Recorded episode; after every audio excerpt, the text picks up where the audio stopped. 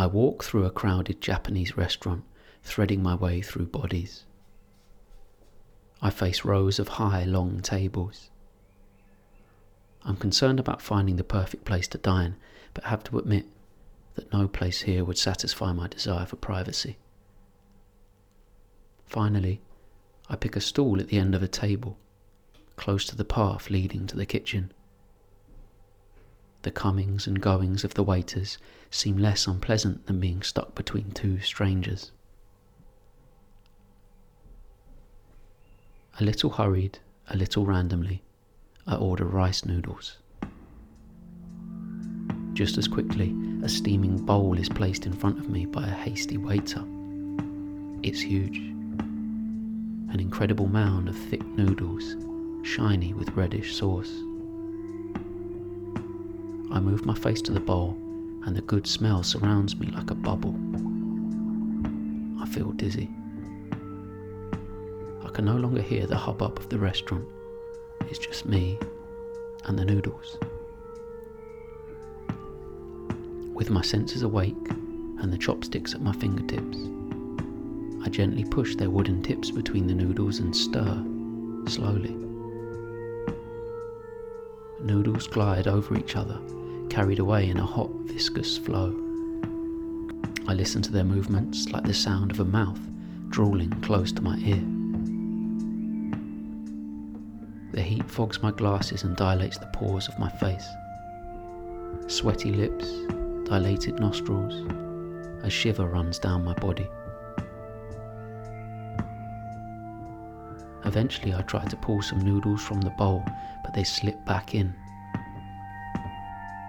it's as if the mound is holding them down. Sauce spurts out, and I'm startled by the burning drops on my face. I look right, I look left, then plunge back into my bowl. I bring the hanging noodles to my mouth, and to check the heat, I caress one of them with the tip of my tongue. I see it trembling. The sweet and spicy tomato tickles me, and without further delay, I slurp the thick pasta into my mouth. My body falls, the noodles swell, plunged into the teeming heap of slimy giants.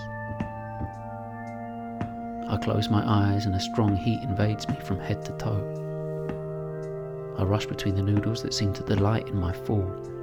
They swarm around me like a bath of sauce. Sensations saturate. Smells fill my lungs, and every bit of my skin slips and drips on my congeners. I become myself, wet and slimy. We sink into each other.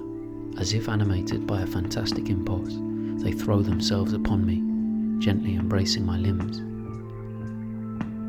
They calmly come up to my bust and twist around my neck, and in a fiery kiss, they hold me tight. Lick and drool at the strange mixture of our fluids. I grasp them as they invade me in a slow, slack breath. The heat grows. I miss the oxygen. I swell with them. The spice makes my body tremble, and I burn and consume myself again and again. Suddenly, I open my eyes. I'm in a noisy, crowded room. Under a wide pair of frowning brows, two eyes stare at me.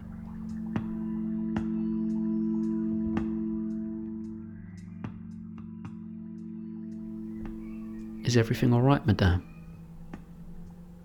Would you like a drink?